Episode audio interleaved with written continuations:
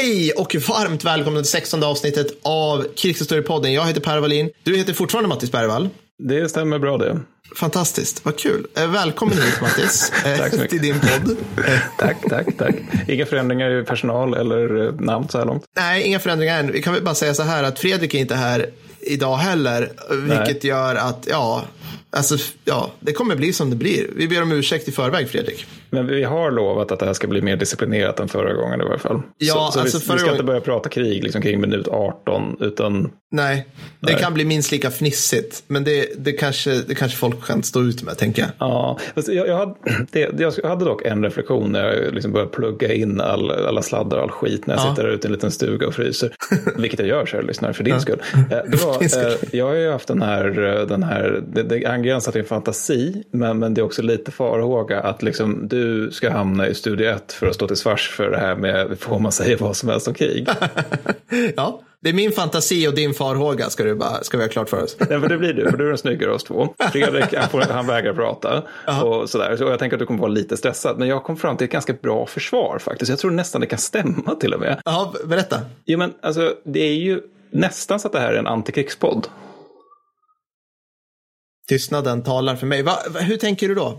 Jo, men så här, va? Alltså, om man tänker de här som, inte de här som... Eller så här, det är klart det vi är en antikrigspodd. Alltså du Ja, och ja, jag men gillar inte krig. liksom. Men, men liksom, eh, ja. Men, men alltså även på någon form av mer filosofisk plan. För man, man tänker de här, liksom så här 1914-gubbarna som skulle liksom, du vet, höll på att tjafsa om det kalla strålets fruktansvärda mystik och liksom Ja. allt, allt det här med liksom att vi behöver en renande eld och kriget kommer. Alltså, och även typ så här Ernst Mm. Ja. Jünger på 20-talet, så här, liksom att det, där kriget förbättrar människan, det gör henne starkare och bla bla bla bla. bla. Ja, ja, ja. Alltså, det Ja. finns verkligen fokuserar på det meningsfulla kriget. Vi har, så här Ja. långt, tror jag inte, någonsin beskrivit något krig som någonting annat än en fruktansvärd jävla parodisk alltså slöseri på människor och på, på pengar och på liksom tid i största allmänhet. Alltså, jag menar, borde inte det ändå ta, liksom vara motsatsen till det här liksom, filosofiska krigsvurmandet? Precis, för att de blir nog vilseledda att tro att eftersom vi fnissar runt det vi säger Ja. så tar vi det inte krig på allvar. Medan, precis som när du säger, så har vi inte direkt glorifierat något krig. Nej. Jag vill säga att möjligtvis finska vinterkrig, men nej, det vet inte fan om ens det. Det beskrivs som ganska slaskigt och mörkt. Det är mycket PTSD och elände. Det, Ja, men jag måste väl ändå säga att alltså, jag har inte hört någon annan, eller så här, jag har inte stött på no, någon annan content som faktiskt har kritiserat så mycket finnarnas insats i det som ändå vi gjorde. Om du Nej. tänker att jag, alltså, så här, jag sa att av någon anledning gjorde de de här, de här, de här svintrattiga grejerna som ledde upp till krig, eller liksom, innan kriget, fast de visste X, Y, Z. De hade hela pansarkåren som skrek på dem att så, det här räcker inte i form av pansarhinder och pansarvärn. Så att där har jag kritiserat, jag skulle aldrig våga kritisera den, den eh, liksom hjältemodige Pekka som sitter i värnet själv, soldaten. då, Nej, då nej. jävlar. Eh, Då men, får vi eh. Ja, då får vi, men alla, alla från liksom majorer och uppåt kan få se en slev tycker jag. Ja, Nej, men, alla. ja nej. men ska vi köra lite shoutouts? Vi skulle vara Ja. disciplinerade som sagt. Nu ska jag disciplinera. Bra, men jag, jag har en väldigt blygsam shoutout. För jag tänker så här att eh, Dubbelyxan på Twitter skrev bara, ja men ett riktigt roligt avsnitt. Och eh, ja, tack. Jag bara, Ja, ja. Alldeles utmärkt. Jag då som håller i Instagram, och det kan tilläggas, Mm. varje gång vi lägger ut ett, Insta, ett avsnitt så blir det en liten spike med följare på Instagram. Och sen så några dagar senare så går det ner igen, så folk noterar vad det är för deprimerande skit jag lägger ut. Men, men så kan det vara. Men först har vi då Oscar som eh, skrev följande på, vad det heter, eh, det DMar väl på Instagram. Där han skriver, där är jag, en intet ont anande ung man som precis börjat pendla istället för att bli, eh, ta bil till jobbet. Börjar då lyssna på krigshistoriepodden och mitt li- liv välts upp och ner. På två veckor har jag lyssnat igenom samtliga avsnitt tre gånger och plågar mina närstående med referens till obskyra 1900-tals hipsterkrig. Varannan vecka är inte nog för denna fantastiska krodd. Jag kräver mer. Skaffa en Patreon om så krävs. Jag stöttar. Ja, det här är, väldigt fina ord. Och också, jag gillar det här med också, men som du har sagt någon gång, att det är kul att våra lyssnare har börjat använda våra termer. Det med hipsterkrig. Alltså det, är liksom hängiven lyssnare Ja. snart radikaliserad också. Det är bra. Ja, jag vet, jag älskar det. Så sakta men säkert. Angående Patreon så tänker jag att det är ju en jättebra idé. Men samtidigt så känns det också som det här liksom första steget till att vi ska vägra. Alltså att vi ska gå från det här, så här kompis kollega poddgrejen till att vi ska Ja. liksom vägra ta samma flyg till livepodden New York. Och sen Just om fem det. år så kommer Fredrik att stämma dig. Ja, exakt. och ni, du och Fredrik sitter sen i någon sån här, vid något sån här enormt mahognybord på någon sån här svindyr advokatfirma i New York och du har lite så här emo-lugg. Fredrik sitter i telefon. Och ni vägrar prata med varandra ni heller. Så att den här trion bara... Precis. Våra advokater får prata med varandra, varandra liksom, Ja. för att det ska bli någonting gjort. Men alla är överens om att Per som nu heter eh, Schakalen och bor i, i, i Ecuador. Mitt palats i Dubai. Precis. Det andra var från Julia. Det här var nästan hjärtevärmande. Det var hjärtevärmande till och med. Hon skriver, måste bara skriva och säga underhållande er. Tack, tack, tack. Mitt ex schysst. övertygade mig att börja lyssna på er podd och när han dumpade mig så tänkte jag radera allt som hade med honom att göra. Men när jag kom fram till krigshistoriepodden så versaler kunde jag inte. Ni ger mig historia om sånt jag tycker är kul och slipper dessutom lyssna, läsa om det. Är nämligen dyslektiker. Så fy fan vad bra jobbat grabbar. Det tycker jag var jättefina ord. Va, det var jättebra. Vad kul. Ja, ja men jag, shit, det var jättefint. Bra. Så tack så hemskt mycket. Jättefina ord. Tack så hemskt mycket. Ja, jag ska inte släppa lös oss än. Vi har någon minut kvar innan vi slår på någon form av dödsdeadline här från förra avsnittet. Men det där tänkte jag apropå pengar. Ja.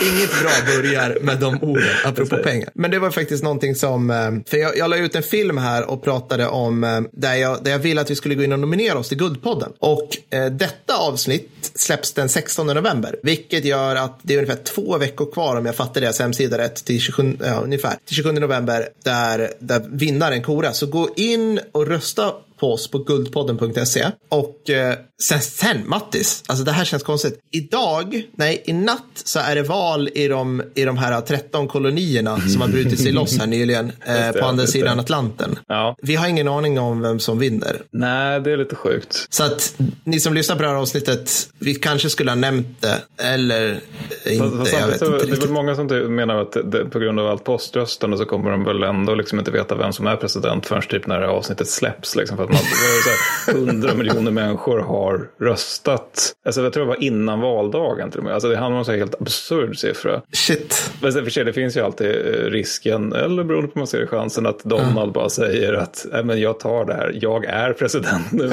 Okej, kommandanten, vad bra. Han kör den här liksom Idi Amin-momentet. Ja.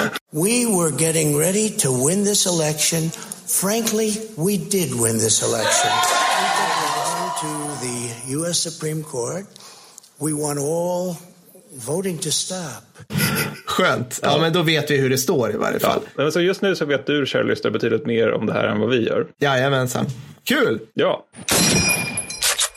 Ja, och med det sagt, vi ska snacka eh, 1800-talets hipsterkrig. Så den här, vad hette han, Oscar, som hade lärt sig massa om hipsterkrig på 1900-talet. Nu jävlar Oscar, nu kan du ha ännu mer att plåga dina nära och kära med efter Ja. det här. Mattis, jag tänkte vi, vi skickar iväg dig genom startgrindarna först här. ja, ja, med nöje. Jag tänkte också på det sen lovade jag sätta igång. Att det är praktiskt att ta 1800-talets hipsterkrig så. För jag tänker att, i varje fall jag, alltså när det gäller århundraden efter 1000-talet som jag är dåligt inlästa på, inläst på så är det nog 1800-tal som är, det jag är sämst inläst på. Och jag tror det är ganska generellt. Att många tycker 1800-talet är lite så här, eh, industrialism, kolonialism, Napoleon, någonting. Ja, ja. Så jag, jag tror att det är rätt få som kunna, kommer kunna slås på fingrarna här. Förutom de som verkligen kommer kunna göra det.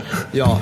Vilket du, tacksamt. Fan, det har du helt rätt i. Alltså exakt, det är ungefär som när vi pratar pansar. Mm. Vi, du, och jag, ja, men du och jag, vi kan rätt mycket mer än många. Ja, ja. Förutom de som kan mer än oss. De kan så ohyggligt mycket mer än oss. Gud, ja, tung, gud, ja. tung pansar. Ja, det är bara, Precis, ja, men då börjar shit. ältandet om eh, vad fan är det, Kra- kraftöverföringssystem och sånt där. Så man bara, Ja, den, den har en pang. Det är en stor pang. En stor pang. Pansar? Jajamän, hårt. Precis, det här känns stabilt. Men ja, i alla fall. Så jag ska börja med mitt första hipsterkrig då och det är eh, spansk-amerikanska kriget. Mm, yes. Mm. Ja, eh, och eh, jag vet inte Fredrik, kan du klippa in någonting här som sammanfattar spanska-amerikanska kriget? Det är på Kuba, så det kanske hjälper. Let's take some stuff. South of our borders, possibilities for us. Puerto Rico, in the Caribbean, and in the Pacific, with the Philippines and Guam. In 1898, the United States. Men oavsett, spanska-amerikanska kriget då, det är ett jävla, det är en jävla märklig konflikt. Som, alltså det, det, det som gör att den är kul är väl någonstans, eller ja, kul, alltså, jag, nej men ni får själva. Alltså, så här, va, det, det, det utkämpas på Kuba och Filippinerna, som vid den här tiden tillhör Spanien. Så bara där så har vi ju liksom lite ingångsvärden som är lite annorlunda från idag. Mellan 21 april till 13 augusti 1898. Så att det, det, det är ganska nyligen egentligen. Och ganska kort, skulle Ganska jag vilja kort säga. också. Ja, ja, och också, ja precis. Och orsakerna i sig, de är lite lattjo, för de är väldigt mångfacetterade. Och det här blir sånt här krig som, beror- alltså hur man beskriver det beror väldigt mycket på när i tiden man är. Alltså att amerikanska historiker alldeles efter kriget beskriver det här som liksom så här, gloriöst korståg mot den rena ondskan som är Madrid. Och menar, där kan Ja. alla in- instämma. Men sen så efter Vietnam, då har man ju liksom en mer så här eh, ledsen syn på amerikansk historia. Mycket efter medborgarrörelsen så där generellt också. Ja. Så då, då blir det mer som att ja, men det här uppstod för att eh, USA hade liksom intressen i Stilla havet. Mm, strategiska grejer. Det fanns en massa lättplockade grejer från Spanien. Så att, alltså, när det gäller så orsaker och liknande, som sagt, det beror liksom lite på vilken tid som skriver och vem som skriver och så vidare. Men vad jag lyckas utröna så är de orsaker som de flesta är någorlunda överens om, det, det är ju liksom, ja, det är liksom spansk grymhet på Kuba. De, de, de håller på att slå ner ett våldsamt uppror, eller våldsamt, ett frihetsuppror, en frihetskamp där. De, de inleder så här, jag tror de kallas för rekonst, rekonstrados eller något åt det hållet, vilket är väl i praktiken koncentrationsläger då. Och det här rapporteras de ivrigt då i USA, för att tidningarna på den här tiden, de, de har verkligen fattat grejen, if it, if it bleeds, it leads. Så att de, Just det, just det. Det, det. Nu ringer en klocka i mitt huvud också, just det här med första, första press, eller första, en av de första bevakade krigen. Ja, och, det är också liksom att det är den här typen av bevakning som var, ja, alltså han satt på ett eh, liksom, café Havanna och drack piña colada, så daiquiri hela dagen och nu beskriver han vad som hände liksom, på öns östra del via ja, fantasi, hearsay, alltså de var väldigt Ja. grymma spanjorerna, men, men det är mycket också som är att man, man brer på lite grann för att man ska verkligen få bra, bra om, omsättning på tryckpressarna. Men hade, de, hade spanjorerna, hade de slavar fortfarande? Var det den nivån? Eller liksom slavar i praktiken, eller? Ja, de, det, alltså de har, om vi säger så här, då, kubanerna är väl knappast att betrakta som fullvärdiga spanska medborgare. Nej. Jag, nej. tror inte det är rakt av slaveri, för det har man ju avskaffat tidigare under 1800-talet i de flesta länder. Men, men, men, eh, men det är nog lite mer som det är liksom i de värre styrda kolonierna som, är, som europeer har i största allmänhet. Alltså att det finns verkligen subject sådär. Och sen så en annan orsak till att det blir krig, det är så här, en vag känsla av tristess i USA. vilket jag tycker är väldigt härligt. Det är liksom så här, det måste Ja. hända något nu. Ja.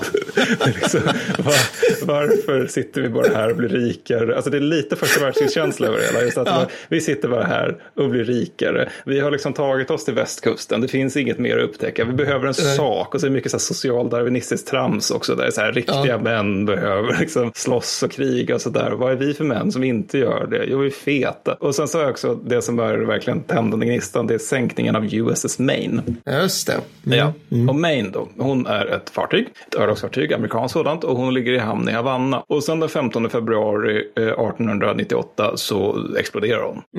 Och om vi har några så här spanska-amerikanska kriget heads här så kommer jag liksom, att jag nu liksom säger det här kommer att göra dem arga. För att det är än idag lite oklart varför det sprängs. Jag hör hur antalet subreddits och flashback-trådar bara brrrt ökar Ja, nu. Liksom. Vad menar Mattis? Menar du att det var en mina eller var det en Ja, men det är just det de har haft typ så här 89 000 kongressutredningar, varav en del är ganska nyligen, som är liksom varför sänktes Maine? Och det är fortfarande lite oklart, men, men det som är väldigt tydligt är att dagen efter så står det att läsa i New York Journal på dess första sida, Destruction of Warship Maine was the work of an enemy. Och det vet man ju inte dagen efter sprängningen. Nej, det nej. vet man verkligen inte. Och sen så är det också att det här är liksom, det finns ju kameror, men det, som, det är också en gyllene tidsålder för alltså, tecknade saker i tidningar. Att Just man- det, Ja, illustrationer mycket va? Eller hur? Exakt, exakt. Ja, mm. det, det är ju mycket så här om man tar, återigen tar 1914 som exempel. Alltså när de skulle skildra liksom skotten i Sarajevo i tidningarna är det väldigt mycket så här i princip sträcker sig fram med revolver på Mm. teckning och skjuter då ärkehertigen. Och på den här teckningen så ser man då liksom det är typ bomber eller en ubåt eller något, liksom, det är något hotfullt objekt som är kopplat till land. Och det här landet är Kuba som ägs av Spanien. Så det är ju ett liksom, väldigt illustrativt sätt att beskriva vem det är man menar har gjort det här. Och det är liksom väldigt få i USA som när det har hänt orkar tänka på att Mains kol är, vad jag har förstått, dikt an hennes krut. Ah, just det. Och, och självantändande kol är en grej. Och det är också le- har lett till att, och kommer leda till ett antal olyckor där amerikanska örlogsfartyg bara spontant detonerar. Ja. för att det, det, blev liksom lite, lite så. Men, så det, det här är någonting man inte tänker riktigt på och istället så blir det så slag, slagord i USA med Remember the Maine to hell with Spain. Fine, för ganska snabbt har man gått från att det är an enemy till att det är spanjorerna. Det vet vi, det vet alla. Och det här leder liksom till krigshysteri i många amerikanska stä- städer. Och då är det liksom en del lite moderna historiker som har varit inne och sagt ja, jo, men det var liksom bara i städerna, men inte på, ute på landsbygden. Vi kan inte säga att det här var ett krig som i praktiken skapades av pressen. Och de har säkert helt rätt i det. Och samtidigt kan väl min invändning vara lite så här att jo, fast var finns makten någonstans i USA på den här tiden? Jo, det är ju städerna. Det är liksom inte så här Bumwill, Alabama, där liksom ingen har tänder och läs, läsförmåga. Så det sjuka är också att det, det är redan hysteri som det är, för, vilket nog tänds upp lite grann av den här allmänna ledan som jag sk- beskrev tidigare. Men det eldas också på av fake news. För att du nämnde det där med, med, med tidningarna och journalistiken. Kan du ta någon modern svensk ledarskribent som du stör dig mycket på så får vi liksom hela spektrat. Oj, som jag stör mig på. Alltså vilka stör jag mig inte på? Nej men gud. Men Mattis, du fattar inte det här. Vi lever ju alla i våra bubblor. Jag tar ju bara del av dem som jag gillar nu. Ja, det är det, det. som Det är är så fantastiskt. Nej men, eh, ja. Äh, Men ta, ta någon sån här tyckare Okej, då. okej, men typ så här, ja men, ah, den här eh, gråterskorna på DN Kultur-nivån, vad är det då? Ta typ en, ja, men, en genomsnittlig Wolodarski-krönika. Okej, skulle jag bara kunna, mm, ugh, liksom. fine, liksom. Typ. Ja, men, Ja. ja, så här, blödiga liberaler tycker du då? Ja, ja, Ja, precis. och, och jag, menar, jag, jag tycker att det är jävligt att Ivar Arpi måste hålla på och skriva så mycket. Äh, men vi men, tänker oss att de här, ja. två, liksom, de här två individerna liksom vill ta sina inte bara på ledarsidor vid den här tiden i USA, utan liksom i hela tidningen. Att det här med liksom pressetik och att man ska vara neutral, och sånt där, det existerar inte, utan det är så Nej. otroligt partiskt. Och det är också att man, man ofta bara rakt av ljuger, för att det, det liksom Ja. leder till större upplagor. Så att de, de, tidningarna är väldigt bra på att elda på den här tid, stämningen och hysteri. Då. Och en, som, en av de som är mest hysteriska, det är då Teddy Roosevelt. Åh, yes. Ja. Teddy. Alltså, vi skulle kunna ha ett, ett, bara ett avsnitt om alla som heter Roosevelt och hur jävla galna de var genom historien. Och, och vettiga var många då, men ja, de flesta Ja, var helt jävla blindgalna. Jag, vet, jag, jag utgår från, från, från en bok väldigt mycket nu som heter The War Lovers. Och Teddy är på framsidan av den. Det är Ja, ingen ja. slump. Det är ingen slump. Nej, Det är det nej, det är- Ja, är 1889 så tycker Du, han ja. att krig mot Tyskland det är för, förmodligen nödvändigt. Eftersom, och jag citerar, New York och citat några andra större kustnära städers förintande. Det skulle få fol, eh, folk att inse vikten av kustförsvar. Då. Så, så ser han på det. Han säger sedan 1894 att han vill slåss på Kuba och även i Kanada. Och det sista är för att citat driva bort britterna från kontinenten. Ja, du. Det är, Ja, och det här är ju då helt alltså- rimligt. Det är ju inte utifrån dagens USA heller, utan det här är från 1894 års USA. Det vill säga att flottan, den finns väl liksom, men det är for- fortfarande det här med att Royal Navy är det som dominerar haven. Alltså det, det, är, liksom, det är inte en sportslig match mellan amerikanska flottan och Royal Navy. Eh, Och det här, de här liksom krigsönskan, det just är mycket av det här tidigare nämnda, liksom så här, mycket socialdarwinistiska tankar om att en riktig man ska liksom kriga. Han har liksom mycket sådana eh, liksom, grejer för sig, att han håller på ute och härjar i liksom, the badlands och ranchar och gör manliga Mm. saker. Rough Riders, ja. Vi kommer till dem. Ja, men, så här, manliga ja, saker okej. med manliga män med rik, riklig kroppsbehåring. Och Ja. Teddy, han vet ju naturligtvis att sp- spanjorerna sprängde Maine. Alltså käll, källa-feeling förmodligen, men han vet det. Och president McKinley, och det här är också en figur som verkligen är så här, beror helt och hållet på vilken tid som beskriver honom, huruvida han är så här liksom Homer Simpson eller Machiavelli. Det är antingen eller, det finns ingen gråzon där. Nej, Eh, nej. Han, han då säger då när det börjar se ut som att ja, det blir väl krig med Spanien då. då säger han då att han vill dyga ut den dåvarande amerikanska armén som ligger på 28 000 man med ytterligare 125 000 frivilliga. Det dyker Mm. Ja. upp en miljon pers Ja. förstås, varav en är Teddy Roosevelt som då säger upp sig som sin post som vice marinminister och Ja. blir då överstelöjtnant i The Rough Riders. Ja, där kom vi. Ja, just Ja. såklart. Ja. Men innan han gör det så, så skickar han order till USAs Asienflotta att förbereda sig för krig. Och det här alltså sker, gör han utan att president McKinley eller marinministern varken känner till eller godkänner det här. Och det är innan krigsutbrottet. Så att han är bara, Ja. nu kör vi pojkar, jag vet hur det ligger till. Men sen så två också som får korgen, det är Buffalo Bill. För att han, eh, trots att han säger Just det. Ja, men han ska ju med liksom. Ja, ja, såklart. Han är ju nationalikon va, vid den här tiden. En, liksom. Ja, jo men det är han. Och han, skulle också, han ville ha med sig 30 000 indianer som skulle gå på krigsstigen tillsammans med honom då på något sätt. Vilken, vilken konstig syn de har på sitt förflutna vid den här tiden. Det känns Ja. som att liksom, för oss är det så här, men det var typ vilda västern. Fast de hade ju den här, vilda västern var något som våra, vår, min farfar höll på med. Och det var bra skit. Det var verkligen så här, som, som typ dagens Sverigedemokrater kollar på liksom 50-talets Sverige på något vis. Så liksom, gyllene tiden liksom. Ja. Välkommen till Sociologipodden. Ja, nej, jag ska bara, nej men ja. Nej, men, nej, men det, är en spännande. väldigt bra jämförelse. Och och också, det- jag tror inte, det är lite kanske från en tangent här, men jag tror inte en slump att väldigt mycket bra westernfilmer, och men typ även Red Dead Redemption 1 och 2, Mm. utspelar sig under den här eran där västerntiden, alltså så tidigt 1900-tal där västerneran verkligen är slut. Men det finns några som försöker liksom krama sig fast vid den liksom banditlivsstilen. Eller som i Unforgiven, där är någon som försöker överge den livsstilen och misslyckas. Ja, just det. För övrigt den film som förmodligen tog, tog död på den genren. Men, men ja, skit i det. Men absolut, alltså, de, de, de har exakt den synen på, på västerneran. Och det är väl också mycket därför, alltså, hela den här closing of the frontier är ju liksom något som driver på den här känslan av att ja, vad håller vi på med? Vår identitet är att ta oss västerut. Ja. Behöver vi inte en sak? Oj, Spanien. Och sen en, en annan så- som jag tyckte var lite lattjo, som hon fick också korgen, för att hon, hon känns liksom lite för sin tid. Det var en Martha Surt som hon ville upprätta ett kavalleriregemente som bara bestod av kvinnor. Det gick inte på 1890-talet i Nej, USA. nej men driftigt av henne på något vis. Synnerligen. Men, men alltså det hon glömde här det är att alltså, om, om man tänker liksom så här, vilka som ses som riktiga amerikaner på den här tiden. Mm, Då är ju det liksom folk som bor i Boston. Som är protestanter och har anglosaxisk bakgrund. Ja. Och alla andra är liksom bara där och besöker. Liksom svenskar ser som kackerlackor den här tiden. så det, Ja, är liksom, det. det. Är väldigt tydligt. Och just det, de är män. Så det är nog det som Ja. Martha Stewart går, går förbi. Går Man, på det måste också ha en episk mustasch. Inte så här tangorabatt som jag har, utan riktigt så här fyllig jävel Ja. som går upp i ändarna. Liksom. Precis, den här lite, lite preussisk marskalkkänslan över mustaschen. Ja, men precis så. Ja, men sen själva kriget är egentligen ganska odramatiskt. För att alltså, jag menar, det är på något sätt lite givet vem som ska vinna mellan USA som är så coming superpower och Spanien som var slutade vara superpower vid slaget vid Rocroi eh, under 30-årskriget. Ja. Eh, men, men oavsett då, så Teddy då, han, han har gett sin order till amerikanska flottan i As- i Stilla havet att de ska vara liksom insatsberedda på kort varsel. Och eh, de angriper, när kriget väl bryter ut då, så angriper de omedelbart spanska sjöstridskrafter på Filippinerna. Och resultatet är då slaget vid Manila-bukten. Och det är ju liksom så här att, ja, resultatet av det är i sin tur liksom det ganska givna att liksom spanjorerna har typ ekor som de har satt Ja. gevär på. Medan liksom, amerikanerna har moder, för tiden moderna sla- eh, slagskepp, eller inte slagskepp men örlogsfartyg. Så att spanska Stilla havsflottan smulas sönder, 300 spanska sjömän dödas eller såras. Och en amerikan vid namn Francis B. Randall dödas också. Ja, han får nämligen en, en dödlig hjärtattack i uppståndelse.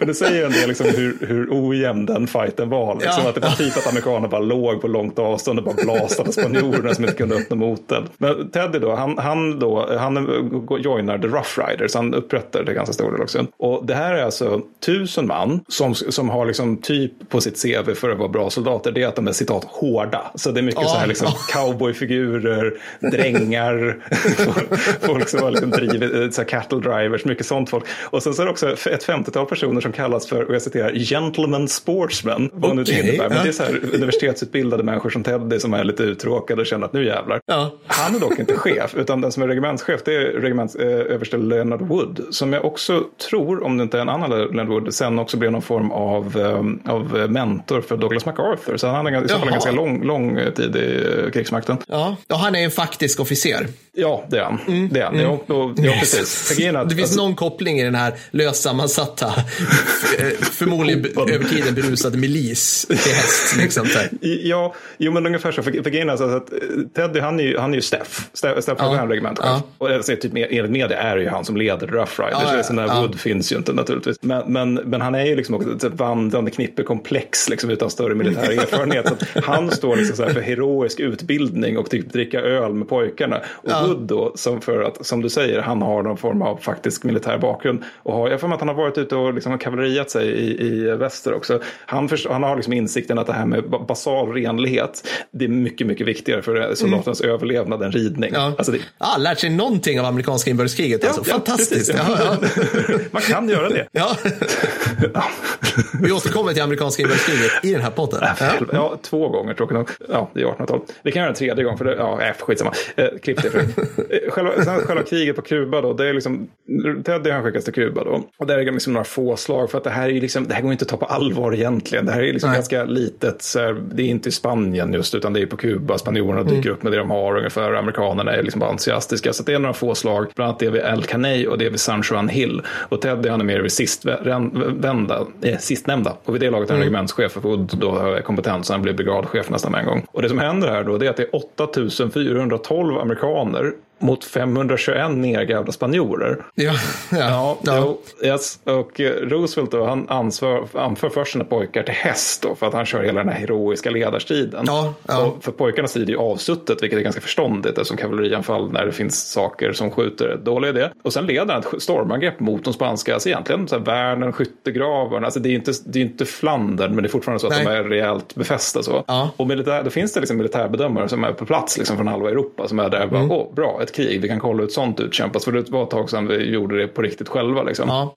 De bara ser den där väggen av bly från, från spanjorerna, ser det här liksom galna stormangreppet och eh, säger att nej, det där kommer inte gå. Eh, Sen Mm. finns det en japansk observatör, han rycker bara på axlarna och bara, ah, nej, nej, nej, det, vi kommer göra sjukare grejer kan jag säga. Of course. Så i stridens hetta då, så är Teddy, han är hur lycklig som helst. Det, det är inte Ja. den här berättelsen om någon som tror sig kommer gilla kriget och sen liksom, liksom Nej, nej, nej. visar sig ogilla det. Utan nej, nej, nej, han, han tycker det är jättehärligt. Han, han springer omkring, eller rider omkring där, till slut striden avslutet också, och skriker Holy Godfrey, what fun! Vilket också, jag vet inte, det bara tycker det är härligt. Och sen när de väl kommit liksom till toppen av San Juan Hill då, så skjuter och dödar han en flyende spanjor med sin Colt revolver då, som har bärgats från Maine för symbolik. är Liksom Of viktigt. course, Ja. så, såklart. Ja. Ja, det är också viktigt här för det tar han upp i sina memoarer. Inte i ryggen. Det är Nej, typ att killen, killen började springa så att det liksom, han vänder sig om och träffas då enligt Roosevelt i bröstet så att han sköt ingen man i ryggen. Eh, ja, Och det ja, här- ja, men då så. Det här, Då skryter- det här Ja. skryter han om resten av sitt liv. Alltså, Han är så jävla stolt över att han har mördat den här stackars, vad det nu kan vara, liksom, så här, typ spansk värnpliktig. Liksom, som, Ja, ja. Det, det tycker jag är jättebra. Sen själva slaget då, det kostar ju då förstås amerikanerna 1200 man. Åh jävlars. Ja. Ja men återigen, de springer ju in i eld. Ja, ja. liksom, så att, alltså, visst, de är ju liksom otroligt många gånger fler, men, men, men de, de tar höga förluster. Och Spanien tappar kanske 400 eller något sånt där. Men det är ju liksom en amerikansk seger. Mycket av det beror på att amerikanerna har ju med sig liksom Gatling guns, vilket är ju alltså typ tid, alltså vevbara kulsprutor kan man säga. Och det är förmodligen avgörande för att knäcka den spanska linjen. Och sen efter, sen är det liksom lite så här smågrunkar fram och tillbaka, men rätt snart blir det fred. Och mycket av det beror på liksom att det är jättemycket sjukdomar. Det fattade redan spanjorerna när de försökte krossa den här gerillan, liksom. inte minst gula febern. Då. Så att USA, deras trupp på, på Kuba, den blir väldigt snabbt mer eller mindre oförmögen att strida för att alla bara är sjuka. Liksom. Så att då drar de sig ur. Men vid det laget så är liksom spanska flottan, det, det är liksom bara det är sitt drivved ute i Atlanten och Stilla havet. Så att det liksom, de kan inte gärna kriga så mycket mer. Så när det blir fred, då får USA Filippinerna, Guam och Puerto Rico. Och Kuba, det blir ett amerikanskt protektorat då. Och sen så undertecknar man en fred den 10 december samma år. Så det här låter ju liksom som ett gyckelspel och det är det också. Och det är också så här, lite okänt krig, det, man har säkert känt igen namnet, man har inte så här jättekoll, stor koll på liksom detaljerna i det hela. Och då är det att tänka sig att det här får inga konsekvenser. Men det sjuka är att det får det ganska. Ja, alltså det får ganska stora konsekvenser. För att alltså, Alltså, eh, till att börja med om man tar liksom det här med att amerikanerna när kriget bryter ut är lite osäkra på vad ska vi nu göra med kubanerna? Mm. Ja, okej. Det fortsätter de att vara. Och det är typ att kubanska frihetskämpar får sitta och titta på medan stormakterna liksom bara hackar upp deras ö. och det, det liksom förgiftar relationen mellan USA och Kuba fram till, ja, nu ska vi se här, idag. Idag? Ja, nyss. Ja, fortsättningsvis. Ja, men alltså, det var, det var så här väldigt dålig start där. Och sen Ja. har vi det här med att på Filippinerna så dras USA in i ett riktigt jävligt gerillakrig också som är framme ända till 1902, vilket är ju en ganska stor konsekvens i sig. Då. Det är alltså minst 200 000 döda civila där, eventuellt en miljon. Det, siffran beror på huruvida det är amerikan eller filippinier som beskriver det här. Och eh, dessutom då så får ju Filippinerna då en slags halvrelevans för Stillahavskriget eftersom det här blir i praktiken en, en eh, amerikansk koloni. Just det, precis. Mm. Och eh, angrips sen av Japan under andra världskriget. Så att, eh, Och fler människor far illa är jag rätt säker på, kopplat till det. Eh, Ja, det kan vi får man ju säga. Ja, och MacArthur sitter och lurar på Bataan, blir evakuerad med en ubåt, kommer tillbaka 1944, ännu fler människor dör. Alltså det, det, det är ganska stor grej det med att Filippinerna, i varje fall för Filippinernas del, att Filippinerna blir en del av USA. Liksom. Och inte minst det här med också att USA får en slags växande imperie i Stilla havet, trots att de liksom alltid har sagt nej, nej, nej, vi har inga imperier. Och liksom börjar få intressen på allvar i Stilla havet. Det, det är... De måste förhålla sig till olika saker helt plötsligt på ett sätt som Till exempel Japan. blandar in dem i grejer. Nej, men så det, det, det finns en ganska stora eh, konsekvenser av en lite märklig konflikt. Som till Ja. viss mån i varje fall liksom, skapas av liksom, bra löpsedlar. ja, men man kan ju verkligen se framför sig sen någon form av fat cat tycoon som verkligen tjock röker cigarr i någon three piece suit och bara mer blod, det här ska vi nog få igång till, jag är aktieägare i de här. För det här var ju tiden liksom där, där det var verkligen de här railway tycoons, alltså ja, Rockefeller-tid i Ja, USA på jo, ett men, sätt. Jo, liksom. men en, en sån är just, eh, vad, vad heter det nu, New York Journal är väl dess ägare som är Randolph C. Hearst, har jag för mig att han heter. ja. För att han, han är känd för att han bland annat när han blev, liksom fick sin tidning och pappa eller hur det nu var, att Mm. han, han, eh, han läste att det var någon journalist som har skrivit att det brinn, har brunnit i ett hus i New York eller vart Chicago, Mm. vad fan nu var. Och han skrev om den copyn så till den milda grad att det snarare lät som en sexscen. Alltså bokstavligt Mm. talat, att det är så här liksom eldens lågor liksom smeker huset på ett sensuellt vis. Alltså, det var, alltså, han, han fattade ju hela det där med att sex och blod säljer. Ja, men det är så här, och att du säger, du säger copy, du säger Ja. inte artikel. Det, det är nej, sjukt nej. talande. Ja, det, här, det här är svinintressant. När jag läste journalistik så var det liksom, man, man tittade på liksom, idag tycker vi, hur fan kan Aftonbladet säga så här, Persbrandt drar koks, Persbrandt är arg. Alltså på, på liksom De har bildbevis på det. Ja, de har bild, ja, de har bild, alla vet det. Men Ja. så får man inte säga idag. Och sen så kommer pressetiska nämnden med, så får man inte säga idag. Och så håller de på sådär. Medan liksom 50-talet, då var det så här, jaha, igår vid 22.30 så slog, eh, slog Göte Andersson sin fru i ansiktet med en stekpanna. Frun Kajsa blev arg, gav sen tillbaka med en kökskniv varvid blodvite uppstod. Och så, så, här, så ägnar de liksom så 5000 tecken åt att beskriva hela scenen. De pratar med alla. Så här, barnen grät, barnen heter så här och så här, går på så här skolan i närheten. Alltså, Är det du placerad på barnhem? Deras Ja, framtid förväntas precis. vara mörk. Ja, ja, ja, men exakt. Liksom. Man, man vet sen att Göte inmundigade stora mängder alkohol under tiden innan. Alltså bara, det fanns ingen som helst, liksom, man bara skrev allt. Liksom, så att, Ja, då var det förmodligen ännu värre på sent 1800-tal. Alltså, eller det var Ja, värre. Det, det var värre. Men det, där tänker jag, liksom, när man tittar tillbaka på den tiden, och säkert många lyssnare också, det är liksom något vis, jag ska inte säga nidbild av kapitalism, för nidbild skulle ju vara ett slags så här, att det var värre än vad, det, än vad jag säger att det var. Det var pissigt. alltså, så här, noll arbetsrätt. Alltså, men det är ju verkligen den här äh, sämsta tiden för kapitalism kanske. Ska man Ja, säga så? jo, jag vet. Jag, jag tror inte det är någon slump att liksom, vi har det som i USA kallas för the Gilded Age och ur det uppstår liksom den reformerta socialismen, det vill säga socialdemokratin, som helt plötsligt tar massa parlament i Europa. Ja. Och efter det så blir det rev- två revolution, tre revolutioner i Ryssland på kuppen. Ja, Eller två revolutioner och en militärkupp. Men, men alltså det, det, är nog, det, det, det kom nog någonstans ifrån. Liksom. Det var nog inte bara sådär att folk liksom över en natt, nej men döda tsaren. Nej, nej, förmodligen inte. All right. jag, ska, jag ska gå vidare och Ja. fortsätta, fortsätta slakta. Du gjorde faktiskt ett bra jobb Mattis, men jag kommer slakta inte bara det spanska utan även det portugisiska språket Ja, i min del. Ja, jag ska prata om trippelallianskriget Klassiker. 1864. Jajamensan. Till 1870. Du och jag har pratat, inte i den här podden men i en annan, om det här. Och det är ett, åh, alltså det här är ett sjukt spektakel. Och till skillnad mot spansk-amerikanska så jag tror inte man lär sig ett skit av det här och det fanns i, finns inga konsekvenser för att det utspelas i Sydamerika. Och vem fan bryr sig om Sydamerika?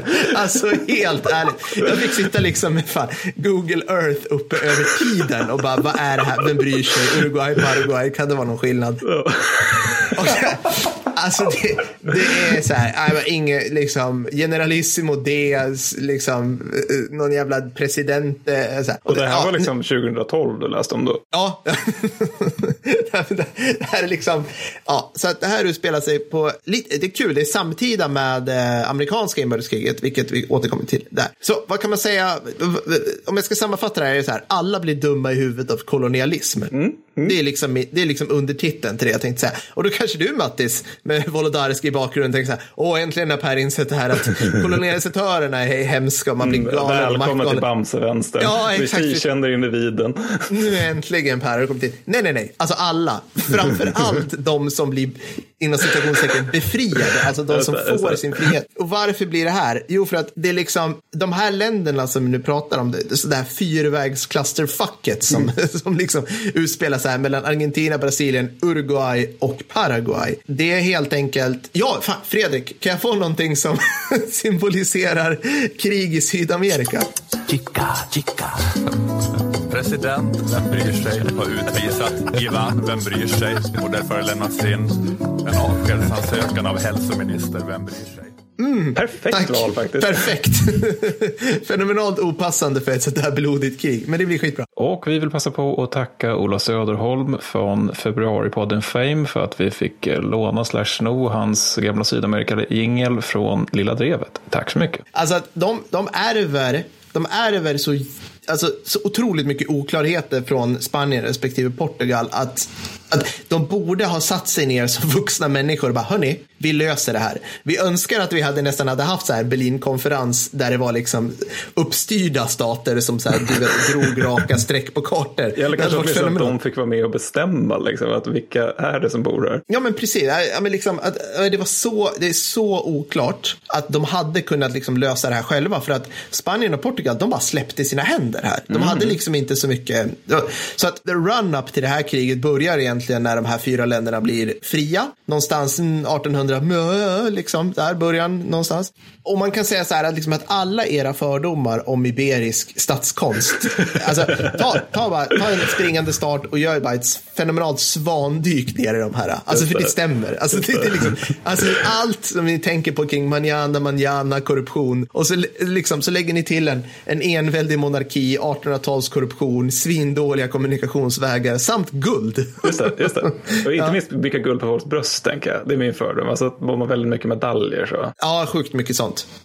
Så och då kan man tänka sig liksom att de här individerna, de här presidenterna i de här fyra olika länderna, de, eh, är de oense om någonting så här egentligen? och det man kan läsa sig till är att så här, lite grann kanske, men mest så är det liksom att de, de är lite småförbannade sen de har blivit fria för att de interna gränserna, de har inte ens, alltså när Spanien föll sönder som ett imperium, som liksom det här, som föll sönder, vilket får liksom Österrike-Ungern att framstå som en sin sensationellt stabil statsbildning. Den nivån av falla sönder. Så hade liksom spanjorerna själva inte koll på liksom, vart går gränsen mellan våra interna regioner, kommuner, liksom, län i de här ja. delarna.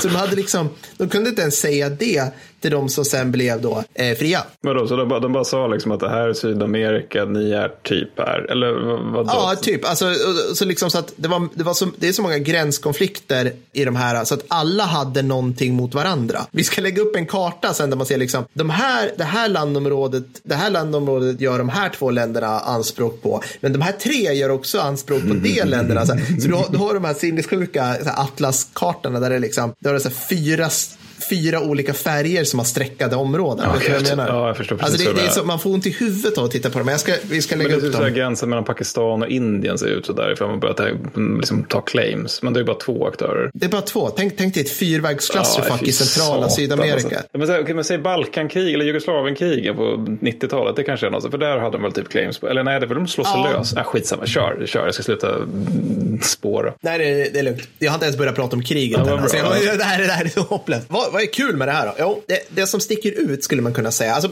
liksom Argentina, Argentina och Brasilien är de två stormakterna i Sydamerika. Men Paraguay skulle lite kunna bli Sydamerikas Preussen. Alltså, det här, liksom, då jämför jag så här, ja men Ljungskiles Securitas-bolag med liksom New York Citys PD. Alltså den, liksom, om vi jämför Preussen. Och, men, men liksom ändå i jämförelse, så här, de är starkt uppru- upprustade. Francisco Lopez, som, vars namn ni kommer att höra många gånger, han hade helt klart aspirationer att bli någon form av Fredrik den store här. Liksom. Alltså han, och de hade fått mycket hjälp. Framförallt, jag tror man hade fått lite stålar av USA, om inte annat. Så vad drog igång det här då? Ja, men jag kan säga så här, Argentina och Brasilien, de ville liksom med viss kreativ statskonst ändra regering i Uruguay för att det var någon där som hade, hade ett parti som de ville, det var en, en individ, jag, kom, alltså jag, har inte, jag har inte lagt de här namnen, spanska namnen på minnet för jag vill inte trötta ner er med de här jävla, skitsamma. Det var, det var en snubbe som vill bli president där. Som, och då tänkte Argentina och Brasilien, då hjälper vi honom att göra statskupp. Han som satt vid makten var liksom Lopez polare. De tillhörde samma, liksom, Ah. det ska man säga, så, ja, det, det var typ motsvarande semikonservativa över gränser. Men det är här, samma jaktlag, liksom samma Ja, men typ, ja. typ. Hade samma värderingar, du vet. Ja, det där.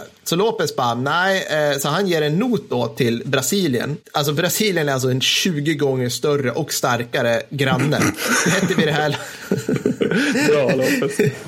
heter, heter vid det här laget för övrigt brasilianska kejsardömet, vilket ger en fingervisning av hur sinnessjukt korrupt, ineffektivt, allting som heter kallar sig kejsardöme någon gång, nästan alltid fucked up. Ja. Säger så här, om ni gör det här så kommer vi, mm, då kommer ni få negativa konsekvenser på det ni gör. Och de bara, så det här måste ju vara ett skämt. alltså, så här, alltså, det, det bor 400 000 dunderfattiga människor i ert lilla land, landlocked, landlåsta land mitt uppe här längs Paraguayfloden. Men, må- måste jag ställa en fråga här. Ja. Alltså, för vi jobbar väldigt mycket med över och underdrifter. Är det bokstavligt talat 400 000 människor? Ja, ja, det är bokstavligt talat 400 Åh 000 människor. herre jävlar. Alltså som Malmös befolkning ungefär. Ja, ja precis. Mm, okej. ja, just det. Just det. Så Malmö ut, utmanar typ Tyskland på krig här i grund och botten. Ja, men typ. Alltså, så här, eh, jag kommer inte ihåg hur många som bor i Brasilien, men man räknar ungefär att när det här, när det här kriget drar igång så är det ungefär 11 miljoner i befolkning mot 400 000. Just det. Mm. Det, är- det är pariteten. Så att make of that what you will. Liksom hela samlade Norden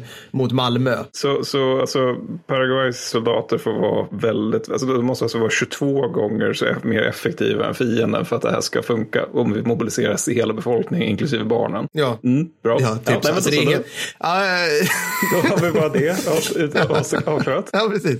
Ja, så att Brasilien med kejsar Pedro den andra i spetsen. alltså, Så omöjligt på allvar. Nej, det, det, det går liksom inte. Eh, De skiter i det, de går in med trupp i Uruguay.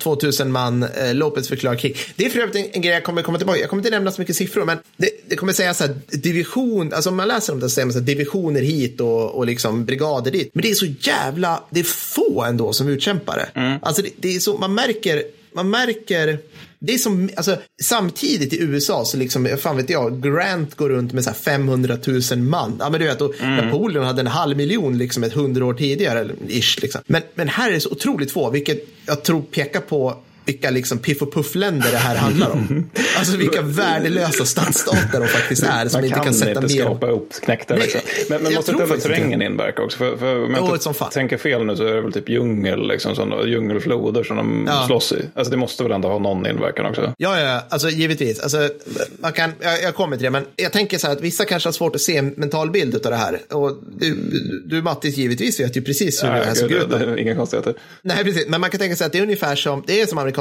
inbördeskriget. Alltså det är skägg, stora mustascher, det är döda blickar, dysenteri, kolera, värdelösa gevär, mm. napoleansk linjeinfanteri möter snabbskjutan, snabbskjutande artilleri etc. Allt det där det. som gör liksom amerikanska inbördeskriget till ett tråkigt och två värdelöst. Typ. Det, ja. Fast det utspelas i typ Evert Taubes vykort. Alltså, och scenografin från tv-serien Zorro. Så, så, så då- då har det liksom the setting. Liksom. Och sant givetvis då från alla, alla liksom, tänk er alla panoramabilder längs floden från Apocalypse Now. Just För floder är svinviktigt i det här. För precis som du säger så, de här Piff och Puff-länderna kan ju typ inte bygga ordentliga vägar plus att det är vidrig djungel överallt. Så, men det finns massa floder. Så floderna är liksom allt i det här. Ha, men alltså nu har ju Paraguay förklarat det här jättelandet Brasilienkrig. Så vad gör de? Jo, de invaderar en inlandsprovins av, Mato Grosso, eh, av Brasilien som heter Mato Grosso. Det här är också kul. Brasilien kan bara nå Mato Grosso genom en flod som går via Paraguay. Där anar man att här gränsdragningarna kanske var lite sådär. Ja, det är helt havererat. Så Den här, den här provinsen, man kan tänka sig liksom att när Pedro, den första då kanske, då, när han fick liksom, ja ah, du har ett land, han bara grattis, så här, det, här är dina, det här är dina delar, det här är dina provinser. Han bara, det här, den här delen av Amazon, inre Amazonas, jag känner ingen som har varit där, jag har aldrig varit där själv, jag har Ja. ingen aning hur man tar sig dit, men den är min nu, är det så? Ja. det bor kanske folk där, vi vet inte, ingen har varit där. Alltså, det, det, är liksom, det är fucked up. Så att, eh, det här är ju jobbigt då för Mm. Brasilien som ska försöka skicka trupp dit. Men ändå, de bara, ja men okej, vi, vi, kan inte, vi kan givetvis inte eh, liksom, skicka truppfartyg upp genom floden för då kommer de bli sänkta. Det blir ett jävla jobb och liksom slå sig fram hela vägen dit. Så att vi, men vi testar att skicka en expedition slash självmordsstyrka tvärs över landet. Jesus, åh gud. Så- I djungel så allt- på 1800-talet. Fy Ja, alltså- satan. Ja, bra. Himmelsfärdskt Alltså- kommando på den. ja, men det är exakt. 2500 man börjar, 1500 kommer fram Samtliga släpar med sig alla tropiska sjukdomar known to man och är totalt combat ineffective. Men man vill bara Liksom. stryka under det att det här var ju alltså någonting som var svårt för USA under andra världskriget. Alltså det var svårt för Ja. dem under Vietnamkriget. Det, det, är Ja. liksom, det är inte lätt att slåss i djungel. Och det, det är som, just på grund av sjukdomarna som exempel. Men det, det, är ju fullkomligt vansinne det här. Jag tror det var Lopez som var galen i den här konflikten. Nej, nej, nej. Inte. Alltså, det, det, det är det som är så sjukt med det här kriget. För att, eh, du vet ju liksom, liksom, du vet ju vad som komma skall och, och så. Men, men liksom, alla är så jävla trattiga och det, går- det går liksom inte att se Lopez som bara den ilvilliga liksom Hitler-snubben. Nej. Alltså det, det är väldigt svårt där. Och jag, jag faktiskt inte, jag tänkte jag, jag ska försöka att inte läsa in mig på hans politik eh, gentemot liksom politiken för de andra. För att, ja, men han, han är jävligt driven över någonting. Han är helt galen. Vi kommer till det också. Men, men har han fel? Förstår du vad jag menar? Liksom, ja. vad, vad är fel i det här? Vi, vi har, I och med att ett, det är Sydamerika så vi skiter i vilket. Och två, det var 150 år sedan. Så det är intressant att man kan få lite distans. Ja, ja, definitivt. Det här är bara en ursäkt för att jag inte har läst på tillräckligt såklart. Men eh, vi går vidare. Så, så men, helt enkelt. Och den här provinsen är alltså till ytan dubbelt så stor som Paraguay. Så att Lopez kan liksom inte göra något avgörande här. För att han skickar sina, fan vet jag, 10 000 man in där. Och de bara, ja alltså, mm, okej. Det här är ungefär som liksom, typ de här fyra- 400 svenskarna som ska eh, liksom övervaka Mali som är fyra gånger så stort som Småland. Ja, men det, det går liksom Nej, inte. det är det är enorma omöjligt, områden. Liksom. Så han tar och invaderar Argentina istället, vilket ligger liksom... Va- Varför då? Vadå, när han ändå är igång? Eller? Ja, Okej, ja, men ja, han- ja, bra. okej, Argentina har, eller har, alltså det här är också en av de här eh, liksom omstridda landområdena. Då, liksom. Så att om du ska gå från Paraguay till Uruguay, Uruguay ligger Öst om Paraguay, ner längs floderna, då måste du passera Argentins territorium, ish. Så Argentina, som vi kommer nu komma ihåg, var den andra stormakten här. Och jag skulle gissa eh, lite mera uppstyrt än Brasilien. Och Lopez, han vill ju då ta sig fram då till Uruguay för att liksom, ja, göra det. Men Argentina, och det här är så roligt, det här är jävla, det här är, det här är hans Hitler-moment på något vis. Argentina hade tänkt vara neutralt i det här kriget. Men Lopez bara, nej, nej vi kör. För att om man ändå ger sig på liksom den fetaste regionala stormakten på kontinenten så kan man lika gärna ge sig på den näst fetaste också. Varför? Nej, men det, det är väl, ja precis. Ja. Ja. Också så här lite 1914 mo- mo- moment där tyskarna liksom bara, vi måste gå igenom Belgien och liksom inte räkna med att belgarna inte bara ska liksom, gå med på det rakt av så, och lyckas få in britterna i kriget. Nej, precis. Alltså det, ja, så, här. så det här med tvåfrontskrig, små arga män som ger sig på tvåfrontskrig, jag fattar inte. Jo, och en annan del av Brasilien såklart. Och det, så, nu, nu börjar jag liksom märka så här att okej, vi har 400, vi har en total befolkning på 400 000 man. Och det här är 1800-talet. Och vi är svinfattiga. Vi är så här lortfattiga, verkligen. Så här, vi har typ så här, hälften av våra soldater har typ inte skor. Ish, liksom. Vi ska försöka också lägga upp en karta över, över liksom vilket, vad de gör. Men ja, så här blir bökigt. Men ja, alltså, det, det roliga är att det börjar gå bra ändå. För 1864, då, första krigsåret, det är Lopez år. Liksom. Så att hans i jämförelse, det här är jävligt viktigt, välutrustad och utbildad armé, hovar in en rad taktiska segrar på då framförallt Argentins territorium med tanke förmodligen så här att Argentina bara, vad fan håller ni på med? Där uppe, vad, vad, liksom, vad vill ni liksom? Ja, och han, han är liksom, hans planer, för att det är han som styr allting i detalj. Han har generaler, men han, liksom, han ger dem så här, gör exakt det här, avvik inte från planen. Och de, de här liksom försupna semiadliga och illiterata generalerna, ish, de bara, "Meh, kanske. Ja, för, för det, det är det enda jag vet om det här kriget egentligen. Det är att eh, han, han kallades, eller i alla fall kallar sig själv för Sydamerikas Napoleon. Ja, Så det, precis. det kanske Han är- Mm. var lite storhetsvansinne där också när det gällde det här med det, det så kommando, kommandotaktiken där. Ja, ja, men liksom vissa grejer som man läser så här, ja men det här hade kunnat funka. Typ, jag kan ta till som ett exempel. Och här tar, liksom, som, som i alla grejer i efterhand så, så säger man att liksom, flodslag, alltså, sjöslaget fast det är en flod vid Riachuelo. Ja, nu börjar kratsandet, eller kraschandet av eh, andra språk. Ha, det hade kanske funkat liksom. Om amiralen Mesa gjort som han blivit tillsagd. Ja. Och det handlar helt enkelt att Eh, ja, men Lopez sa så här, okej, här ligger hela den inkompetenta brasilianska flottan ankrad i floden. Kör förbi dem och lägger så här, smit förbi dem, lägger jävligt nära och sen skjut liksom, när hela er flotta är samlad runt dem ungefär. Så då, då låg de liksom i en bukt. Varvid Mesa liksom seglar in där, står på bryggan på sin typ så här, jag vet inte, korvett och så ser han brasilianska flottan dyka upp där borta. Han ser, där ligger de ankrade. Börjar skjuta redan då. Varvid liksom brasilianarna springer ner till sina fartyg och det utbryter ett, ett långdraget sjöslag vilket gör att liksom, Paraguay får hela sin flotta utraderad i princip. Just det, bra, bra. Ja, ja, men Ja. skönt. Skönt att de Ja, fick det precis. försöket ändå. Ja. Så då, då det tycker man så här. I svenska krig i och för sig, att man börjar med att flottan försvinner liksom, och sen får armén. Ja, precis. Varje framgång, vad- du sagt det, vad, vad du brukar säga? Varje gång framgångsrikt svenskt krig inleds med att flottan sänks. Ja, precis. Där tappade vi alla, allt marinfolk. Jag tänkte precis säga det. Precis, halva Kungliga krigsvetenskapsarmén stängde av där Ja. och förbereder nu att skriva långa blogginlägg över hur fel Krigshistoriepodden har. De Ja. tappade monokeln. Ja. Ja, vad falskt. Och så, så här, redan här, nu har ju liksom, de har invaderat då Argentina, kämpat i några månader och två andra brasilianska provinser. Redan här så vet vi liksom att nu börjar Lopez beväpna barn och åldriga. det, alltså hans just det, reguljära armé har redan tagit slut. Just det. Bra. Det här är 1964. Kriget pågår i sex år till. Åh, herregud. Ja, ja.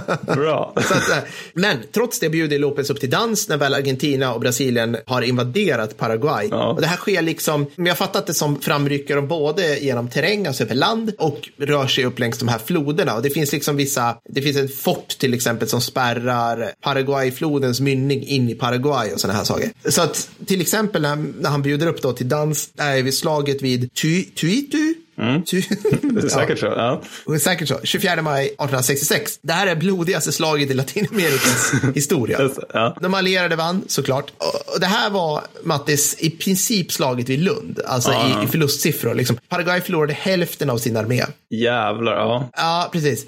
Och alltså rapporter då från de här, från eh, de allierade som de kallas, Brasilien, Argentina och Uruguay, säger liksom att paraguanerna, para, paraguaner? Det låter som en fågel typ. Ja. De, de ger sig aldrig. Liksom. Ah, ja. Okej, så de kör japansk stil, liksom, att man bara Ja, alltså det, kämpar har på sig. det, här, det här är så jävla kul att läsa för att vi kan en del om Japan. Vi vet en del varför det blev som det blev.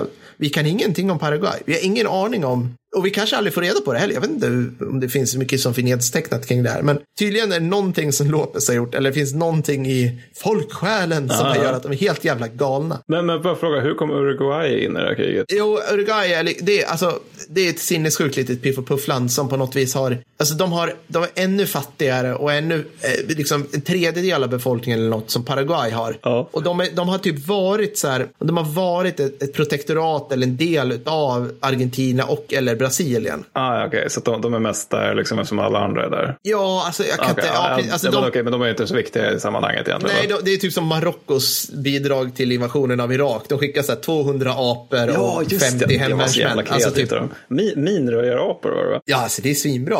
Tack Marocko. Koalitionen says thank you sir.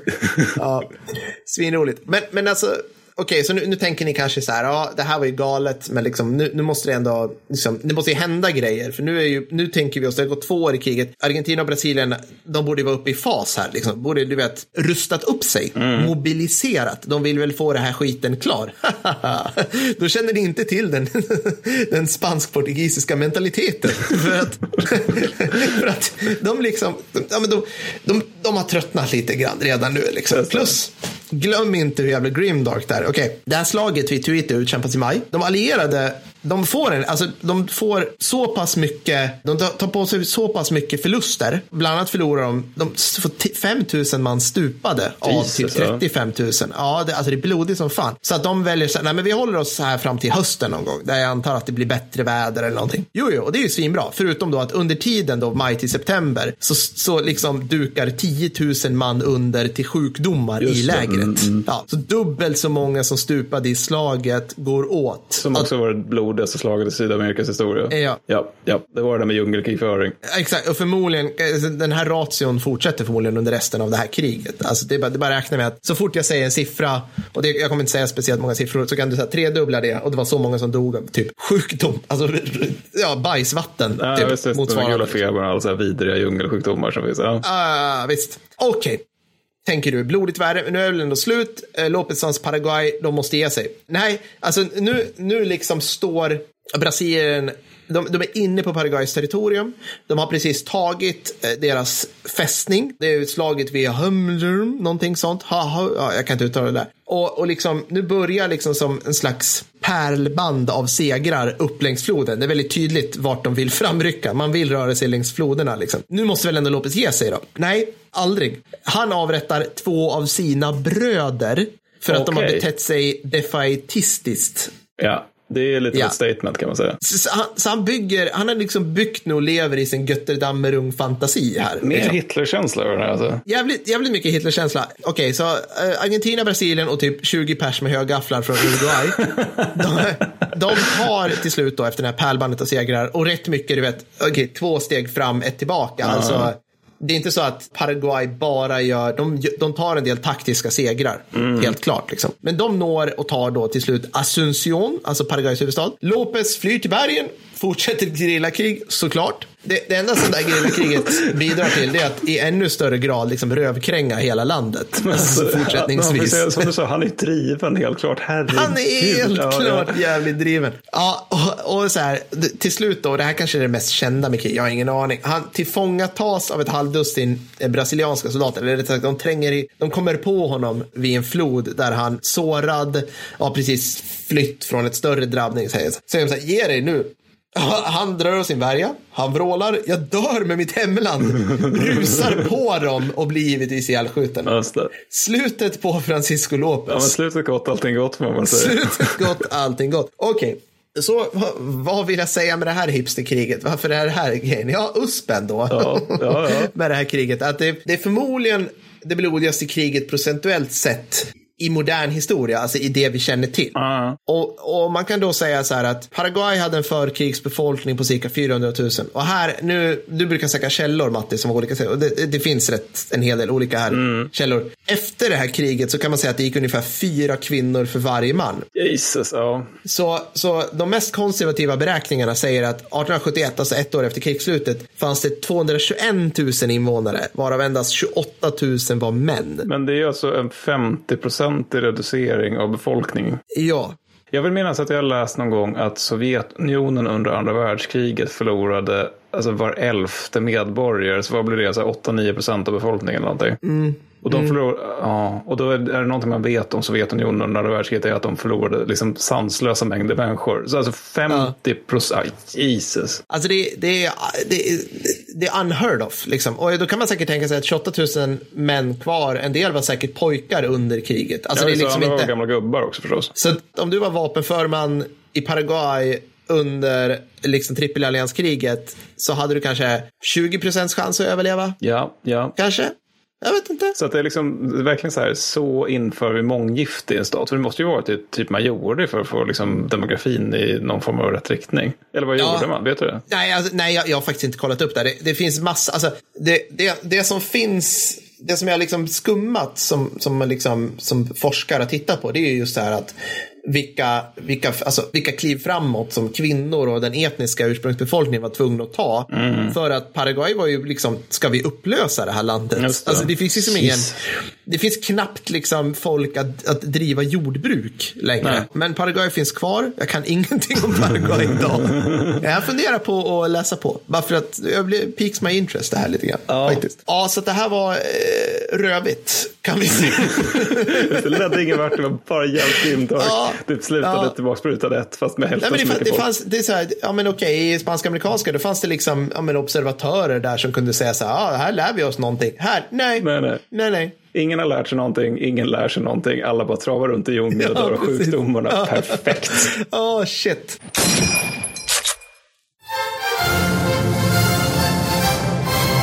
Lystring. Härmed får just du en inbjudan till nästa års firande av hjältedagen i Paraguay.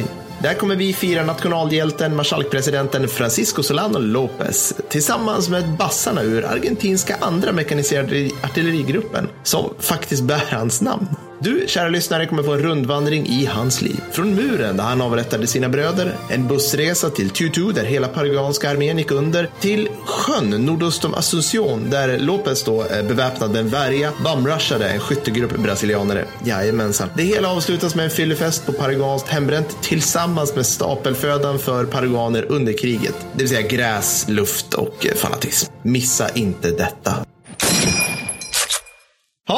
Vidare till något roligare. Ja, eller? det här, du, det, okay, okay, så det här blir bara deppigare och deppigare. Ja, jag ja. dessutom tror att jag tagit mig lite vatten över huvudet här. För att det jag ska beskriva nu är Taiping-upproret slash Taiping-inbördeskriget. Och det utkämpas mellan 1850 och 1864 och den här podden har redan gått över tid. Ja, Så att jag sådär, måste ja. Mm. liksom försöka rensa av det här lite grann. Så att eventuella fel, missförstånd och så vidare, det, ja.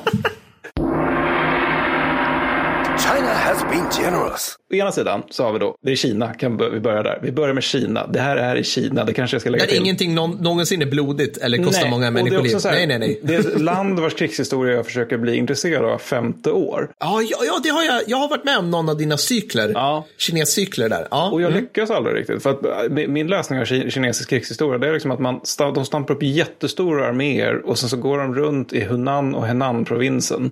och jag har väldigt svårt att hålla isär de två provinserna. Och sen så är det liksom som att de här arméerna är mer farliga för att de är många än för att de är effektiva. Och sen ibland går de in i Vietnam och då blir de utplånade och sen så var typ var 300 år så kommer det så här ryttarsvärm från norr och bara tar över hela alltet. Liksom, det, det är typ mitt, mitt intryck av lite dimmiga intryck på kinesisk historia. Då. Så nu jävlar, nu ska vi slakta man- mandariner också. För på ena sidan av Åh, Taiping-upproret så har vi då Qing-dynastin. Och jag tror att det uttalas Qing, men Ja.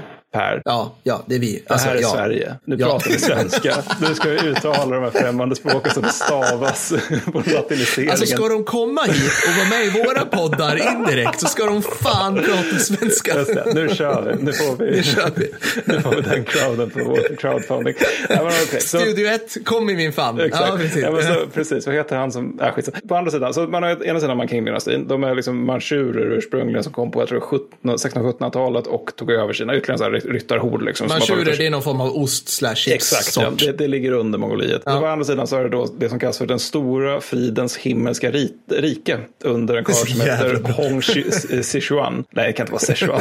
Si- Sichuan, han är Hong här därefter. Det var en sås. Ja, men typ. förlåt. Så att, I alla fall, på hans sida då så är det typ folk som är missnöjda med den rådande och som det alltid är i Kina, himmelska ordningen. För liksom kejsarens Ja. mandat kommer ju från himlen. Liksom. Och sen så där finns det en ganska stor etnisk aspekt av det här också. För det är ganska många han-kineser som är ogillar det här manchustyret. Man ser det som liksom utlänningar och så vidare. Massa rasism helt enkelt. Och det här håller på en bra bit av sydöstra Kina där Taiping-folket under Hong då, de har Nanking som huvudstad. Vi ska lägga upp en, bild, en, bild, en karta naturligtvis på var någonstans. Jag tänker inte ge mig på det här med att nämna provinsnamn. Alltså för det, nej, Nej. Ah, nej. Jag, jag tar mig redan vatten ur som där. Och det är som sagt, det håller på svinlänge. Det är alltså Krimkriget, andra opiumkriget och amerikanska inbördeskriget.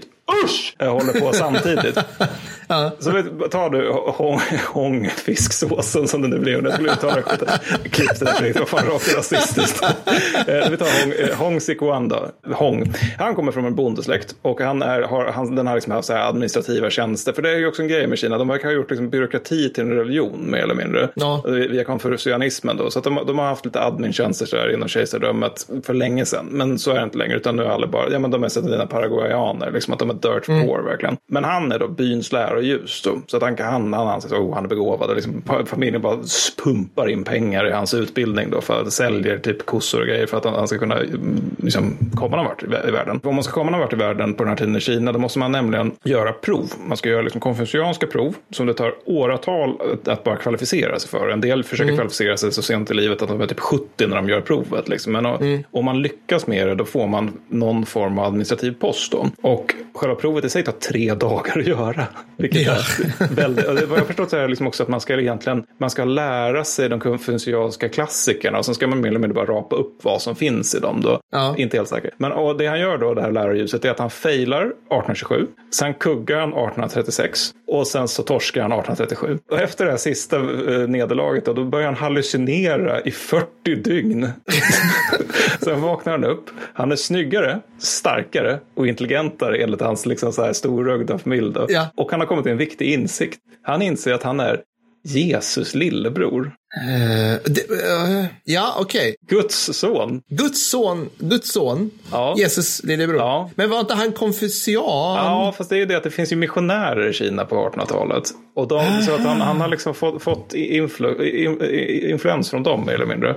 och eh, det, det här kan också tilläggas att det här krigets USP är lite grann att 1800-talet har man liksom på något sätt, om du tänker ett 1800-talskrig Per, så, så tänker du nog gärna Europa, liksom järnvägar och liksom hela den där biten. Men det här är typ 30-åriga kriget fast på 1800-talet i Kina. Alltså det är inte en perfekt lik, men det finns verkligen, alltså det, det är just det här liksom, ja, ni, jag tror ni kommer fatta jämförelsen när jag fortsätter. Men är, är, snackar vi hillebarder och liksom Ja, bland- marscherande och Ja, bland kolonner? annat. liksom, så de, de kör ju spjut. Ja, vi, vi, Ja, kommer, ja. vi kommer komma till det. Men, men, Ja, okej. men i Ja. alla fall, så han, han dyker upp då snyggare, starkare, intelligenter. Och så gör han till prov, 1843. Och han failar det också. så Guds son failar det. Och då får han ju någon form av ytterligare livskris. Så då börjar han missionera, men mest om sig själv och om Kristus och om demonerna. Det vill säga liksom de här mer traditionella eh, kinesiska religionerna. Och då mot manchurerna då. Och sen börjar själva upproret 1850. Och det inleds med bara så här random, schmandom, etniskt våld då, som sy- skylls då på Hong. Och eh, vad jag förstod är lite oklart huruvida det var dem eller om man vet den, som, om det var han som hade satt, satt igång det. Men det skylls på honom hur som helst. Och då skickar kineserna in sin armé. Vi ska återkomma till hur jävla kass den var. För att liksom egentligen bara skita år, skipa ordning, arrestera och sådär. Och de får ju pisk naturligtvis. För grejen är att Hong vid det här laget, han, hans, hans folk, de, de, är, de är väldigt med på att han är Jesus son. Så att helt plötsligt så bara, okej, men de anfaller. Då måste vi försvara oss. Och då börjar de ta städer. Och det är folk som säljer sina hus bara för att kunna köpa vapen och följa med Hong ut i fält. Så liksom bara året därpå, 1851, då utropar Hong då eh, Taipengs himmelska kungarike. Och han börjar, alltså vid det laget har han, tror jag, 10 000, eller kanske till och med tiotusentals eh, med sig då. Och redan 1853 så är han uppe i en halv miljon man då i sin armé. Okej. Och han kontrollerar en yta som är liksom typ så men vad kan det vara, så fler, några gånger Frankrike, så det är flera miljoner Ja, människor ja. som är under honom helt plötsligt. Och i Kina får man ju panik naturligtvis för att oj jävlar, det var ett uppror som är stort dessutom på halsen. Så man börjar massakrera tiotusentals misstänkta Taiping-sympatisörer. Det är så oerhört brutalt. Man börjar kasta ner folk, liksom binder folk, ihop folk med varandra, kasta ner dem i floder, floder och tänder eld på människor och allt det där. Men sen är det ju där med liksom att Kina under 1800-talet är liksom lite som Västeuropa så här, huh. Det där ser spännande ut. Kan vi kriga där? Alltså det stället. Det är liksom lite grann som var stackars Polen där under 90-tal, 1900-talet för tyskarna och ryssarna. Ja. Så de, vill, de behöver liksom en krigsdörrmatta som man kan bara välla in och ut över. Liksom Ja, den. och det, till skillnad från i fallet Polen så är det liksom inte så att de slåss mot varandra utan det är mer att de tycker att Kina ser ut som någonting vi kan angripa för att de är liksom fortfarande fast i medeltiden medan vi hade just industrialisering. Vad praktiskt. Så att 1856 18, till 1860 då är liksom, alltså Peking är ju lite upptaget med det här tråkiga, tråkiga att andra opiumkriget sker då. Ja, just det. Och det är ju då ja, alltså det, ja. britterna och fransmännen dyker upp och stör liksom. Och bränner bland annat en bra bit av huvudstaden och sommarpalatset. Så kejsaren är tvungen att fly liksom. Så att det händer Ja. liksom samtidigt, vilket nog är en delanledning till att det, liksom, de inte kan hitta Taiping. Men grejen är också att en annan delanledning det är att alltså, den armé som kejsaren har, den är riktigt crap. Det är alltså dels har man Manchu-armén och det, den är uppdelad i två varianter. Då. Den ena är liksom sta, standardarmén eller liksom banerarmén då. Och det här är, vad jag har förstått via en krig som heter The Opium War, så det är en helt annan bok än det jag baserar det här på, så är det här liksom folk som, de är släktingar till de som var ursprungliga Manchu invasion ryttarfolk-grejen. Och jag menar de här ur- ursprungliga ryttarna, de var ju rätt hardcore. Men sen har Ja. liksom så här krigargrejen gått i arv. Så det måste ju inte vara så att son, son, son, sonen är speciellt hardcore. Så de, de är också så här sjukt illa betalda. De är ibland tiggare. De har ålderdomliga skjutvapen, om de ens har det. Och, och, så, och de är ofta trasiga dessutom. Så det är 130 000 av det. Menar, vi har liksom nu för lag King-dynastin 130 000 luffare. Och sen så har vi då gröna standardarmén som är 600 000 av på pappret. Men de har jättemycket så här spöksoldater som inte liksom finns utan det är bara liksom man betalar ut en lön till en soldat som inte finns och som tar Ah, smart. Och så tar översten den lönen och sen typ köper glädjeflickor och opium för det. Ish, typ. och grejen är också att deras grej är inte heller att de ska sköta stridsuppgifter utan de är mer som typ poliser-ish så. Och de kör opium, de är hela tiden AWOL, alltså de, de, de här är inte så mycket att ha heller. Så att de skickar ju liksom ner expeditioner mot Taiping, det himmelska kungarikets himmelska frid, bla bla bla, flera gånger om under hela 1850-talet. Men, men det här är liksom inte särskilt effektivt, liksom, utan det är väl så här, de dyker upp, de belägrar någon stad, allting går åt helvete, de flyr liksom i vanära. Eh, Samtidigt som återigen britterna och fransmän håller på och bränner Peking eh, och så vidare. Och sen så har man då naturligtvis ömsesidiga etniska massakrer på båda sidor. För att liksom, Såklart, Ja, ja. för varför inte? Såklart. Nej, men och, och grejen är alltså, det här är så jävla rörigt. Det här jag menar med att liksom, eventuellt mig lite vatten över huvudet. Här, för att det, det, det, man, liksom, utöver det här. Kan du då, så- sammanfatta det här på 35 sekunder? Nej, det kan jag absolut inte göra.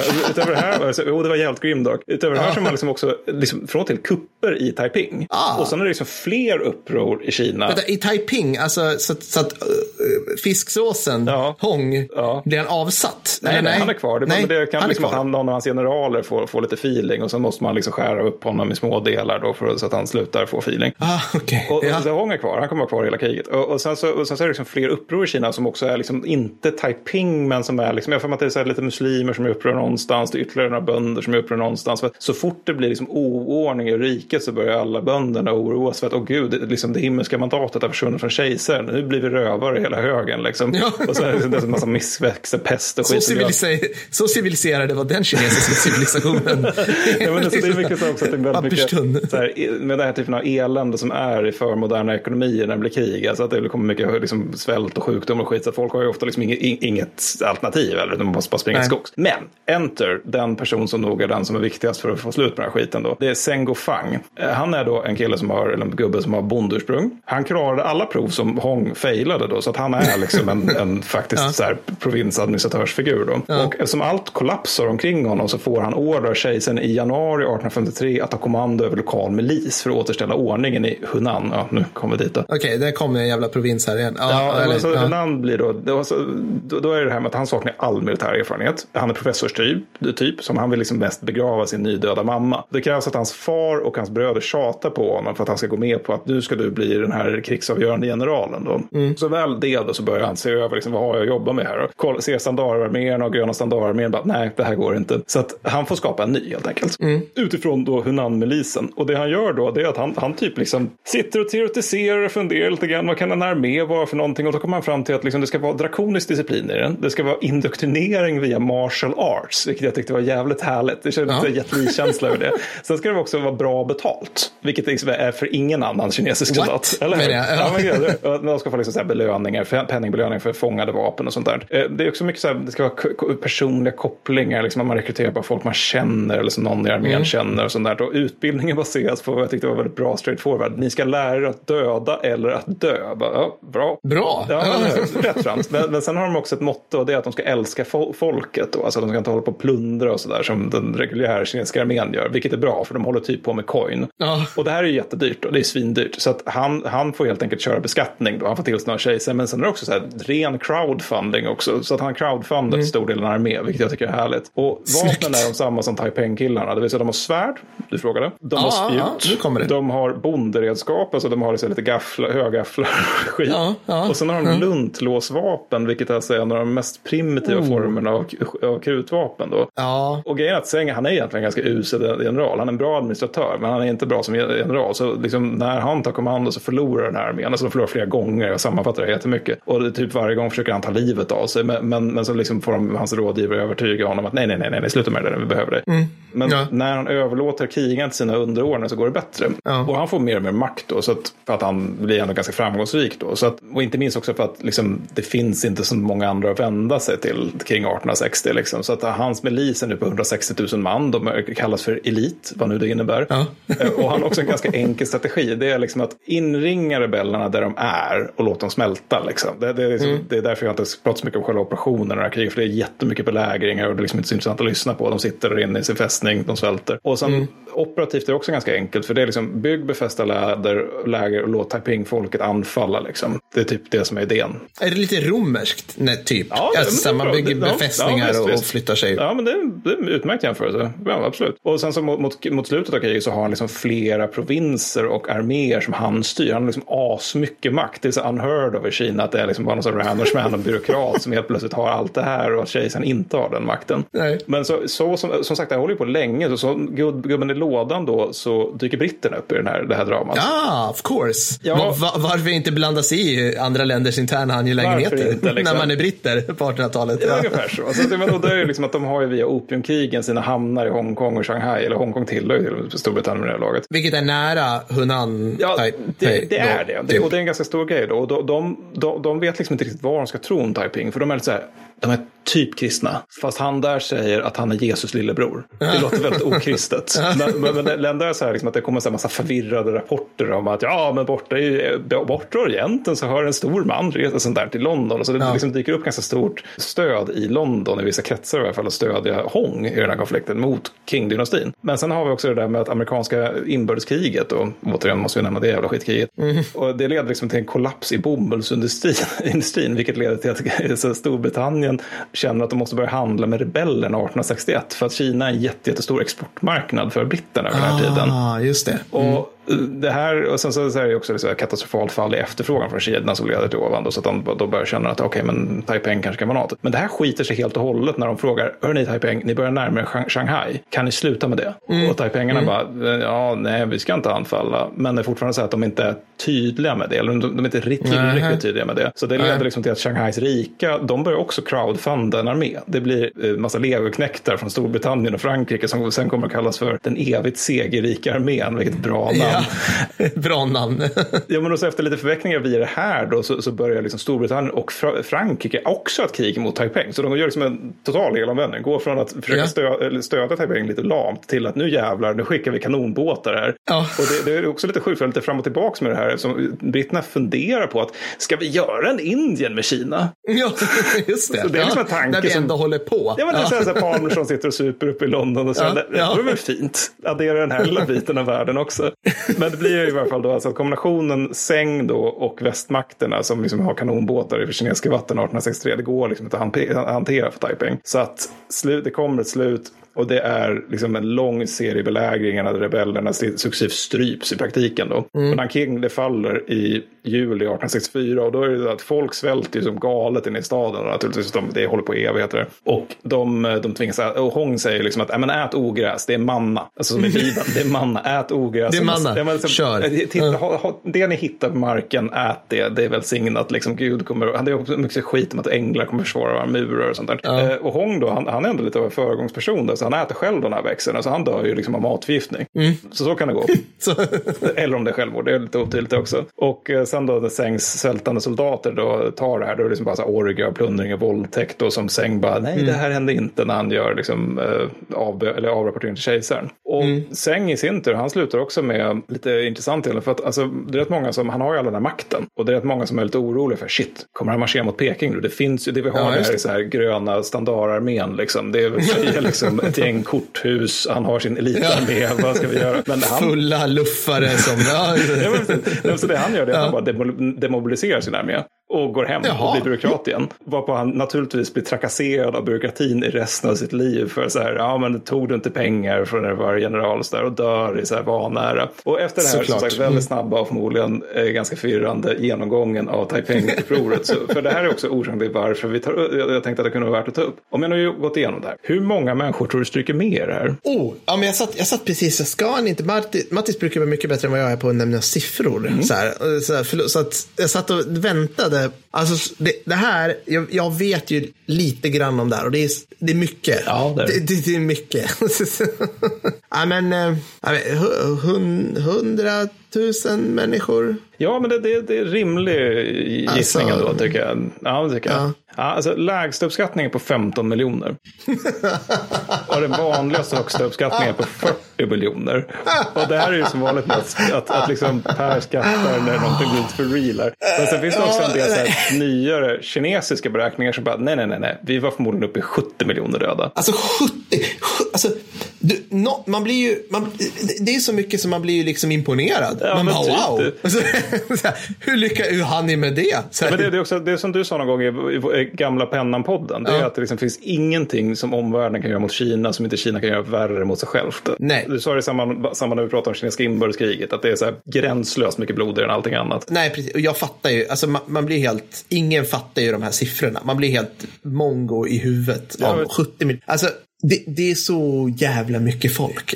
Ja, alltså de är kontroversiella de här beräkningarna, men en ganska vanlig uppskattning av hur många som strök med under andra världskriget är ju alltså 70 miljoner, 78 Ja. där någonstans. Och det är ju en konflikt som rätt många känner till, medan Taiping skulle jag nog säga är mindre känt ändå. Ja. Och säger du att det är 40 miljoner, det är fortfarande det är värt att ta upp, tänker jag. Det är sjukt mycket människor. Sen, sen är det ju också att det är, det är ju inte heller rena krigshandlingar. Det är mycket massakrer och skit sånt där. Men, men det är ju framförallt alltså svält och pest och sånt där. Eller svält och sjukdomar och elände. Liksom. Ja. Alltså, det- återigen, det är det här som gör påminner om 30-åriga kriget. Alltså, även där är det mycket massakrer och liksom, ja, men, så här, bara våldsutövning mot civilbefolkning. Men det är sjukdomarna som dödar flest civila och flest soldater. Och svälten tar en jävla massa civila också. Så att det var Taiping. Ja, Ja. tack. Och för att sammanfatta hipsterkrig under 1800-talet. Sjukdom, kolera, meningslöshet, grimdark. Ja, men kan man så, säga så? så, ja. Ja, men, men det här är, jag tycker det är intressant. Alltså, någonstans så märker vi liksom att, som du säger, det är som 30-åriga kriget. Ja, det är som 30-åriga kriget fast med lite mera krutvapen Mm. känns det som när vi pratar om sånt här. Alltså, de, de har liksom, de har kommit... Det var alltså, ty- halvtid i krigshistorien nästan. Ja, alltså så här, Napoleon bara, kolla vad man kan göra med arméer. Man kan organisera dem och du, du, du, du, du. Och sen liksom, vi, vi ligger på framkant, alltså, nu, nu liksom tar jag hand då som exempel, att vi ligger på framkant för, att, för, för verkan från våra usla besköter och skydd. Mm. Och liksom vi, vi rör oss taktiskt medan man utvecklar inte det här någonting på typ hundra år. Ja, det känns så. Eller fram, fram egentligen till första världskriget. Liksom. Nej men det sker ju grejer sådär, men det känns som att det är så mycket som det som handlar om typ järnväg och sånt där. Alltså att det, det är någonting med 1800-talet där med att, nej men jag håller med, alltså att det, det, det är så nära 1900-talet och samtidigt är det, känns det inte alls som det är samma så här, grad av revolutionerande steg framåt när det gäller vapenutveckling. Alltså att, visst, Nej. det är klart man slåss med andra vapen under Krimkriget, men det, det känns ändå som att de, de, de känner nog igen vapnen som man hade under Napoleonkrigen. Och de som utkämpade tysk-franska kriget till exempel känner ju definitivt igen gevären från Krimkriget och så vidare. Ja. Med, Medan liksom om du skulle ta en snubbe som är med och invad- liksom befriar Kuwait under Gulfkriget Mhm. och så frågar liksom hans farfar som var gående i skogen, liksom, vad är det här för någonting när han håller fram M4 med sitt rökansikte på? Då kommer ju farfar att säga, det där, det är en dammsugare. en bakmaskin, ja precis. Ja, Ja. men, alltså det, men, men det hör ju till också. Men för Fredriks skull så kanske vi ska ta och riva av det här med vad vi har lärt Ja, oss sist. Jag har ja. kort som tur är, så det tror jag du har också. Jag också har en hyfsat kort. Vad du har lärt dig sen sist. Börjar du Mattis, vad har du lärt dig sen sist? Uh, nej, men det här är en ganska rolig grej. Det, är, eh, det kallas för uh, Kailö-affären. Det är nämligen så att 1914, Frankrike hamnade i första världskriget. Många undrat efteråt, varför var de inte mer med på att det hände saker i Östeuropa? Och inte hela anledningen, men en delanledning, det är just Kailö-affären. Och det som händer här då, det är att, ska vi säga, det är chefredaktören för Le Figaro, som heter Gaston Caimet. Nu ska vi mixa Såklart med han franska här också. Ja, det, det är det franskaste någonsin har hört talas om. Han, han, har, han har publicerat en massa så här privata dokument, privata brev från Frankrikes finansminister som då heter Cailleux. Så, och då, det, där, det här är liksom någonting som, ingen, som, som känns väldigt privat och sunkigt och sådär. Och då går eh, finansministerns fru, Henriette Cailleux, hon går hem då till Le Figaros chefredaktör, Gaston Caimet, tar med sig ett vapen och skjuter honom. Jaha. Ja. Driftig. Min franska kvinna hatar dig för hon är kåt och arg. Ja, Ja, men ungefär så. Jag vill alltså. Det, var tydligen en del så privat korrespondens liksom, som hon hade haft med finansministern innan de var gifta och sen så var det så här sun- sunkiga ekonomiska grejer. Så att hon löser det hela med helt enkelt mörda honom. Ja. Och det här är liksom det snaskigaste som har hänt i Frankrike sedan Napoleon. Liksom. Alltså, är liksom, så härligt tycker alla fransmän. Att de börjar liksom bara, vänta där, det är alltså finansministerns fru mördade just Le Figaros chefredaktör på grund av någonting som handlar om kärlek och pengar. Så det här låter franskt. Åh, finns det något mer franskt? Så Nej, alla koncentrerar sig på det här istället för att liksom Balkan börjar mobilisera. Eh, och sen så, sen så har man en rättsprocess som man följer liksom ivrigt. Man följer liksom Ja, ja. varje dag nya allt fetare rubriker. Och sen då är extasen total när domstolen kommer fram till att, alltså med tanke på A, att hon är kvinna och sålunda inte kan kontrollera sina känslor. Och B, med tanke på vad han faktiskt sa om henne, så var det ganska rimligt. Hon är friad. Och hela Frankrike, Frankrike, är extas. Det är liksom det här är franska som har hänt. Så att, ja, nej, hon kom undan med mord. Det var liksom inte så att hon nekade. Hon bara, jo, jo, det gjorde jag. Det var inga konstigheter. Åh, vad underbart. Tack. Ja, för härligt. Ja, jag har en... eh, Jag ramlade... Den här kommer inte mäta sig med tid. Jag ramlade över att eh, U137, alltså ubåtsjäveln som gick på grund i Karlskrona 1980 Mattis, hjälp mig här. Ja, ska bli en, en tv-serie, en miniserie. Ja, okej. Och Det här kan bli bra av många anledningar, tänker jag. Alltså, det kan bli kul att se det dramatiserat, för det är rätt spännande. Så, här. så var det så jävla roligt, för jag läste den här artikeln. Så var det typ så här att det produktionsbolaget, de hade tänkt sig från början så här, men det här kommer bli en rätt seriös politisk thriller. Alltså, du vet, sex dagar, den här Cuba, Cuba Just thriller-filmen, det, ja. liksom, med JFK, som är rätt bra. Så jag tänkte, sen började de läsa på mer om det här och upptäcker vilken farsartad smälla i dörrar lyteskomix-grej det var. Alltså så här, politiska felbeslut på varenda nivå. Så, att- så, så att det Har de mera... hört avsnitt sex av Krigshistoriepodden? Exakt! Alltså, det, alltså, så, att, så att det är det jag menar. Så att de bara helt plötsligt bara, nej men det här kommer bli mer Death of Stalin eller Weep liksom. Och jag bara, yes! Alltså äntligen någon som fattar, för det är ju hela vår grej liksom. Vi tar någonting som, man tittar lite med andra ögon på någonting som är då allvarligt. Och men herregud, det kunde bli kärnvapenkrig. Och så bara, men äh, det är så mycket mänskligt jävla hittepå Ja, i det här. Men, Så jag- Human folly. Ja, men Human Folly, jag tycker det är fantastiskt. Så att jag är svintaggad på den. Och sen ska jag, men shout-out bara. Jag tror det var till löjtnant Bra, nu tappar jag hans förnamn. På, han heter faktiskt, han är vanlig, helt vanlig svensk löjtnant på Twitter. Han tipsade om statskuppen i Ekvatorialguinea 2004, där Margaret Thatchers son var inblandad. Misslyckad statskupp. Det är ju roligt i sig. Det är bara roligt att säga, jag behöver inte säga mer än den meningen. Googla det så, så har ni lite kul läsning. Ja, Vad, vi ska ju snacka om någonting nästa gång också. det ska vi göra. Det var en, en eh, dam som heter uh, Obygden på Instagram. Men hon är en tjej, eller en kvinna. Som, eh, hon eh, skrev att hon vill tacka för fantastisk podd. Och sen så sa hon att hon älskade våra putslustiga kommentarer. Men så sa hon också att om man får komma med ett önskemål om framtida ämnen så hade det varit kul att höra om oväntade segrar. Typ, hur fan gick det där till? Och det tänkte vi diskutera lite närmare nästa gång. Alltså David mot Goliat. Hur kan, hur kan små vinna mot stora? Just det. I grund och botten. Precis. Det. Det blir inte bara Vietnam eller? Vi lovar. Inte bara. Inte bara ester eller vietnameser. Skitbra. Härligt. Vi syns då Mattis. Yes, ha det gött. Hej då. Hej.